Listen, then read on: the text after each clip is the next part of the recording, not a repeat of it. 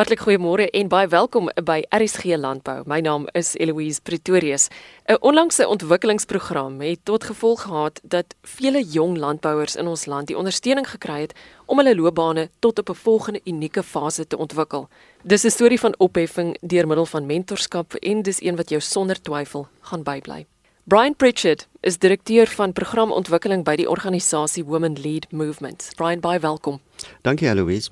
Sê vir my, wat doen hierdie organisasie? Women Lead Movement is 'n organisasie wat spesifiek gestig is om mense te bemagtig. Die fokus is as jy mens kyk na die naam natuurlik, women op vroue. Maar dis nie te sê dat ons nie ook met met mans werk nie. Jy weet as jy mens 'n bietjie dieper gaan, ons het almal male en female energy, energie binne ons. En wat ons wil doen is ons wil hê almal moet hulle female energy embrace, male of female. So op die oog af lyk dit of ons, jy weet, aktiviste is vir net vir vroueregte, maar en ons doen dit wel, maar aan die ander kant ook kyk ons na hoe kan ons mans ook bemagtig sodat ons almal die beste uit mekaar uit kan kry. Ons doen dit deur opleiding, deur advocacy en deur die mense wat ons is, jy weet die dinge wat ons doen. Dis wat Women Lead Movement probeer doen. Daar was 'n tydjie terug 'n geleentheid in Hermanus waarvan ek graag meer wil hoor. Ons het die voorreg gehad om 25 jong dames van landelike gebiede bymekaar te kry by 'n jeugkamp in Hermanus. Hierdie dames kom van vyf rural nodes soos hulle genoem word of dit genoem word. Ons het mense gekry van die Klein Karoo in van Mareisburg, van die Weskus, Lutzwil en Papendorp spesifiek, ook Ebenezer. Dan was daar mense van Eden, Dis die mense daar in Oudtshoorn en Duiselsdorp en New Horizon in Plettenberg Bay. Daar was ook dametjies van Ceres en De Dorings en dan Strysbaai en Honeston. En dan het ons per streek ook 'n ouer dogter saamgehad. Hulle doel is om op te tree as mentors vir hierdie jong dames na die kamp nou, nadat hulle nou teruggegaan het. So ons ons het die geleentheid gehad om saam met hulle te werk om te kyk hoe kan ons hulle bemagtig? Hoe kan ons hulle selfbeeld bietjie beter kry? Hoe kan ons hulle bietjie breër laat dink, bietjie breër inligting gee? So ons het gepraat oor dinge soos substance abuse, financial literacy. Ons het ook 'n bietjie gekyk na career advice, conflict management. En die dinge wat uitgekom het in terme van van conflict management was was absolutely amazing. Hulle het ook begin praat van hoe hulle nie geweet het dat konflik eintlik 'n positiewe ding kan wees nie. Maar dit is ook 'n geleentheid om te om te groei en om verhoudings te versterk. So dit was 'n absolute fantastiese belewenis om 4 dae met hierdie jong dames te spandeer want hulle het al donderdag laatmiddag daar aangekom by die campsite. Ons was um, baie geëer dat die chief director vir um, rural development um, Antonia Klaba ook met die dogters kom gesels het. Um, ons het baie goeie ondersteuning gehad van meneer Brighton Shumba, hy is deputy director vir rural development by Western Cape Department of Agriculture. Ek kan nie ophou praat van hoe fantasties dit was nie. It was just absolutely beautiful. Brian, die suksese wat jy gehad het, was nou nie juis min nie. Daar was een dametjie wat regtig uitgestaan het. Sy's van Aniston. Die gemeenskap daar is baie afhanklik van die visbedryf. So as hulle nie kan visvang nie, dan is daar nie kos op die tafel te sit nie. Maar hierdie jong dogter het met soveel wysheid daar gekom en sy was so bereid om te deel wat sy weet en wat sy geleer het en die wysheid wat uitkom uit daai jong mense hoe hulle met mekaar kon deel hoe hulle die moeilike tye deurmaak en deurdruk. En die dinge wat sy ook doen in daai landelike gemeenskappe is daar nog die idee van brigades en tipe van die scouts organisasie.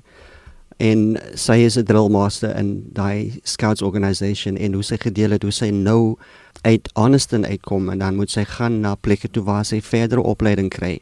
En dan kan sy weer teruggaan na gemeenskap toe om dan die ander jong mense ook meer te deel en op te lei in die dinge wat sy nou geleer het. So is die virtuous cycle wat al ewig gebeur daar so jy weet dat daar's ons mense kry mos die vicious cycles waar alles net negatief is. En dan is dan mos nou die virtuous cycle wat accumulate en hy snowball en die dinge raak net beter en beter en beter. En ek dink dit is wat Suzette in Honeston doen. Jy weet sy sien al die moeilikheid en al die moeilike dinge in haar gemeenskap maar sy help haarself eers self opstaan en dan in die proses help sy ander ook om die beter kant van die lewe te kan sien Meline Rousseau van die organisasie Women Lead Movement sluit vanoggend ook by my aan. Meline, baie welkom. Sê eers vir my, wat is dit wat jy doen? Thank you, Eloise, for having us. I am also a co founder of Women Lead Movement, and I'm responsible in the main for stakeholder management and advocacy. With the stakeholder relations aspect, I am predominantly responsible for fostering partnerships throughout um, government, throughout uh, private sector, uh, with other organizations that is aligned to the work that we do. And with the advocacy, obviously, once we identify challenges in the community, for example, gender based violence or the big issue of lack of public involvement in government processes, we advocate for those kind of rights and opportunities for people. So, in a nutshell, Heloise, I hope that answers your question. That is what I do. I'm actually a human rights lawyer by profession. I am involved also with the Obama Foundation um, as an Obama leader in Africa. And so, obviously, with that, we connect with other leaders across Africa and we do a lot of humanitarian work across the, the continent. But my, my passion obviously lies with what is happening in South Africa.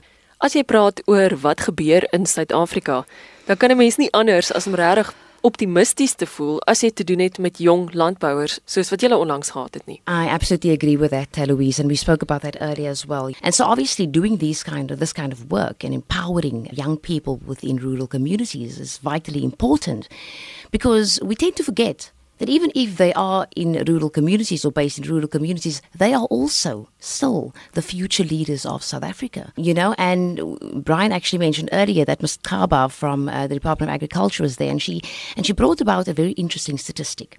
She said by 2050.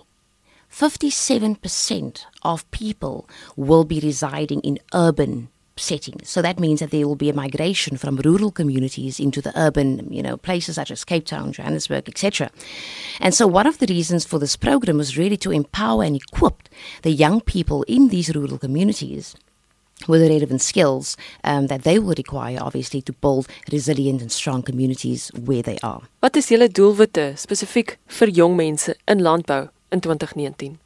Brilliant question, Eloise. I think, you know, obviously besides the rural, because it's it's young people across South Africa, and you know, especially in the Western Cape, really for us it is to instill a sense of agency, agency and activism. You see, change starts at home change starts with you. It starts in the family. In South Africa, unfortunately, we have this thing of, you know, what is the government doing for me? Um, what is this organization doing for me? Instead of what can I contribute positively towards changing my community where I am.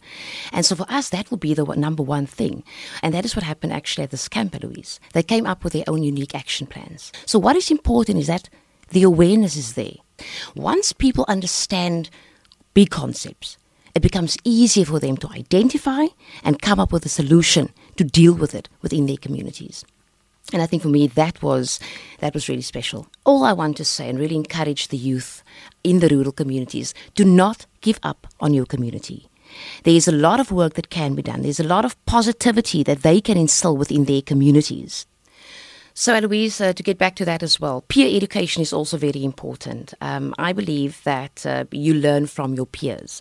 And so, obviously, if there are positive role models within these rural communities, you don't have to look in Cape Town, in the city, for a positive role model.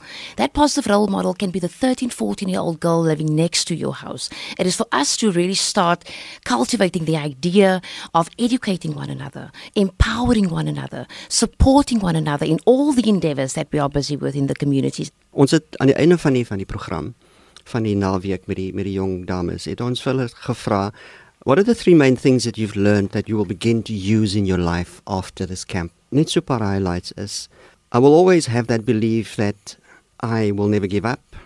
I learned that girls can do everything that boys can do. En dit is vir ons so 'n fantastiese eer dat ons kon deel wees van hierdie proses van van ontwikkeling met hierdie jong dames van die landelike gebiede Melina Rousseau en Brian Pritchard is van die organisasie Women Lead Movement. En soos jy nou gehoor het, is hulle passievol oor die ontwikkeling van jong vroulike landbouers in ons land met vele ontwikkelingsprogramme. Wonderlik om met julle twee te gesels. Baie dankie. Dankie, Louise. Om nou nog van ons programme te luister, kan jy gerus gaan draai op rsg.co.za en op elsenburg.com. Ek's Eloise Pretorius. Dankie vir die saamkuier vanoggend. Groete tot volgende keer.